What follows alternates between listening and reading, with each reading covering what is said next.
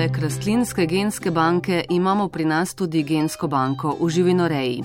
Ta skrbi za ohranjanje genskih virov slovenskih avtohtonih pasem domačih živali.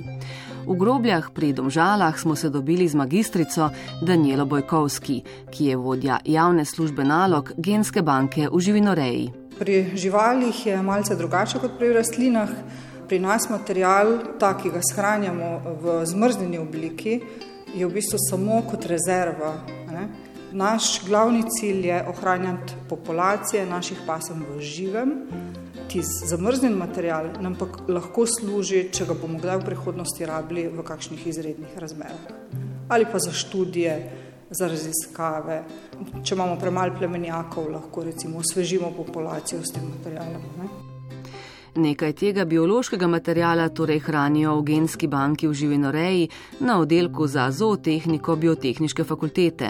Seme pa hranijo tako v semenjevalnem centru kot na veterinarski fakulteti v Ljubljani. To so genetske rezerve, ki jih je Republika Slovenija eh, po zakonu dolžna vzdrževati in po te genetske rezerve spada biološki material. Mi mu pravimo biološki material in sem spada seme, jajčne celice, zarodki. Drug biološki material, ki ga pa prav tako hranimo in je ravno tako lahko služi v takšne namene, je pa seveda dlaka, kri, eh, DNK in pa celice. Biološki material shranjujejo približno 15 let. Genska banka pa pri nas pomeni tudi ohranjanje slovenskih avtohtonih pasem domačih živali v živem. S tem so se začeli ukvarjati sredi 80-ih let prejšnjega stoletja, ko je bila ustanovljena prva baza podatkov o vseh lokalnih pasmah kmetijskih živali. In katere so naše avtohtone pasme domačih živali? Tri so velike pasme, konji, najbolj znan vsem je lipicanski konj. Potem imamo tukaj še posavskega konja in slovenskega hladnokrvnega konja, potem imamo eno pasmo govedi, cikasto govedo oziroma cika, eno pasmo prašičev, krško-polski prašič, ki je tudi vedno bolj znan med ljudmi. Potem imamo štiri pasme eh, ovc, najbolj razširjeno jezersko solčavsko ovco, boško ovco, istrsko in pa belokransko pramenko. Potem imamo tudi eno pasmo kos, to je drižniška koza, štajersko kokoš in pa kransko čebelo. Kot pravi magistrica Daniela Bojkovski, so avtohtone pasme tiste, ki so tisočletja nastajale v našem okolju. Človek jih je odbiral in križal po svoje in po vsem tem času so se bolj prilagodile našim razmeram. Naprimer, cikasto govedo ima nižjo težo in se lahko pase tam, kjer se drugo govedo ne more. Tak primer je recimo štajerska kokoš, ki je bila v bistvu že nekoč poznana kot eh, kokoš za dvorišče. Ne? Um, in tudi eh, na Dunajskem dvoru so poznali kupune štajerske kokoši, ne, zelo skromna kokoš uh, lahko preživi na dvorišču in na travi. In, tako da veliko je prednosti teh naših pasem. Lipicancu je naprimer dal osnovo kraški konj.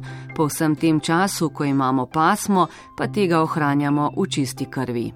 Včasih so jih v bistvu poznali pod drugim imenom in sicer so bili to konji kraške pasme, lipicanske reje. In prvi ti zapisi, ki jih recimo najdemo o teh konjih, je bil že eh, leta 1582, tudi Valvazor jih je uh, imenoval. Sloveli so kot izredno vzdržljivi konji, uh, tudi zelo hitri konji iz krasa. Ta kraški konj je v bistvu stara slovenska pasma, ki so jo križali z drugimi in tako je v bistvu nastal lipicanec. Ta kraški konj je v bistvu izginil je bil pretopljen z drugimi pasmami in tako smo v bistvu dobili našega lipicanca. A vsem našim avtohtonim pasmam ne kaže najbolje. Po eni strani so težava sorodstvene vezi zaradi majhnega števila živali. Malo živali pa je zato, ker se ljudje za nje ne odločajo. Kot pravi magistrica Daniela Bojkovski, ki je vodja javne službe nalog genske banke v živinoreji, se za rejo teh pasem odločajo predvsem starejši ljudje, ki so ugotovili prednosti avtohtonih pasem. Jaz bi rekla tako, eh, stanje je veliko boljše, kot je bilo od takrat, ko smo začeli delati. Ne? Če pogledamo eh, recimo nekatere številke naše, eh, ki mi vodimo stanje, pasem so se nekatere populacije zvišale tudi za 250 odstotkov ampak se je pa še vedno tako, da so nekatere naše populacije še vedno kritično ogrožene. Ne? Recimo za nas je neka populacija ogrožena, če se nahaja samo v enem geografskem območju. Zakaj? Zato, ker če tja pride bolezen, v bistvu vse lahko zgubimo. Drežniško kozo najdemo samo na drežniškem in okoli, v tem okolišu, belokransko pramenko najdemo tudi samo v tem okolišu, medtem ko cika, cikasto govedo, pa krško-polski prašič sta pa vedno bolj razširjena tudi po celotni Sloveniji. Ne? Zdaj, najbolj ogrožena so v bistvu drežniška koza. Tle imamo samo tam okoli 600 um, živali, potem druga je tudi belokranska pramenka.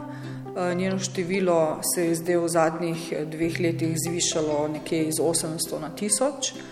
Potem so pa slovenski hladnokrvni konj, ki jih je okrog 3000, posavski konj je 1700 živali, pri krško-polskem prašiču imamo že 1900 živali. Naj povem, da takrat 1991. leta, ki smo jih začeli iskati po terenu, jih je bilo samo 300. Ne? Čebele imamo tudi preštete, ne boste verjela.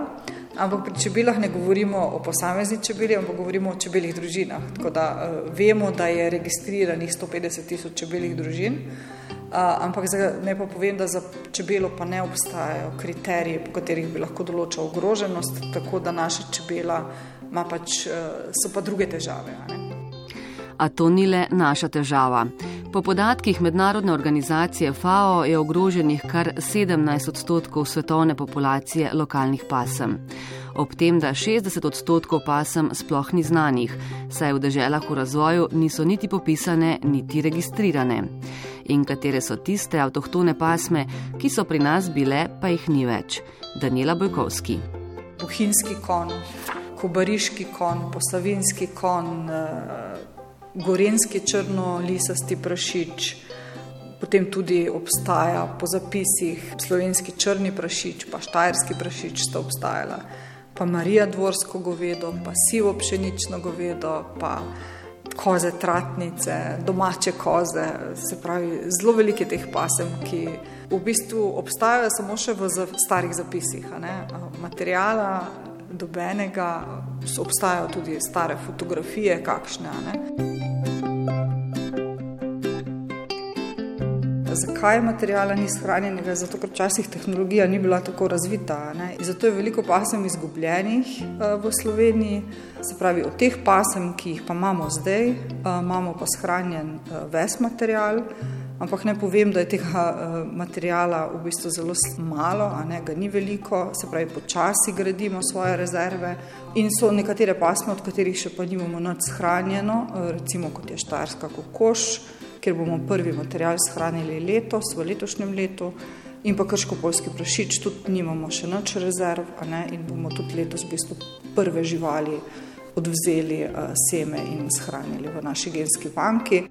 Da bi bilo manj samo takih na papirju, so v Švici začeli evropski projekt El Barn, v katerem je sodelovala tudi Slovenija in ki je namenjen reševanju avtohtonih pasem po vsej Evropi z ustanavljanjem reševalnih centrov za avtohtone pasme. Dogaja se tudi, da nekatere pasme avtohtone ima dva rejca, In če se s tema dvema recimo karkoli zgodi, je potrebno te dve čredi rešiti, če so to edini reši, čredi, ki obstajata. In za ta namen so vzpostavili te reševalne centre, in pa tudi potem iz tega je tudi prišla ARK kmetija v bistvu. In takšne kmetije obstajajo tudi v drugih državah. Recimo Avstrija jih ima, mislim, da tam okrog 70, Nemčija jih ima okrog 100 in zelo, zelo uspešno delujejo. Zato smo se tudi pri nas uh, odločili, da začnemo uh, s tem projektom, naša služba, s tem, da upamo, da bo ta projekt enkrat prerasel tako, da to ne bo več naše delo, ampak da se bodo rejci sami organizirali. Torej, tudi pri nas imamo ark kmetije, kjer imajo avtohtone pasme, ter ark središča, ki pa so namenjena izobraževanju. In eno takih je tudi živalski vrt v Ljubljani, kjer so vse avtohtone pasme naših domačih živali zbrane na enem kraju.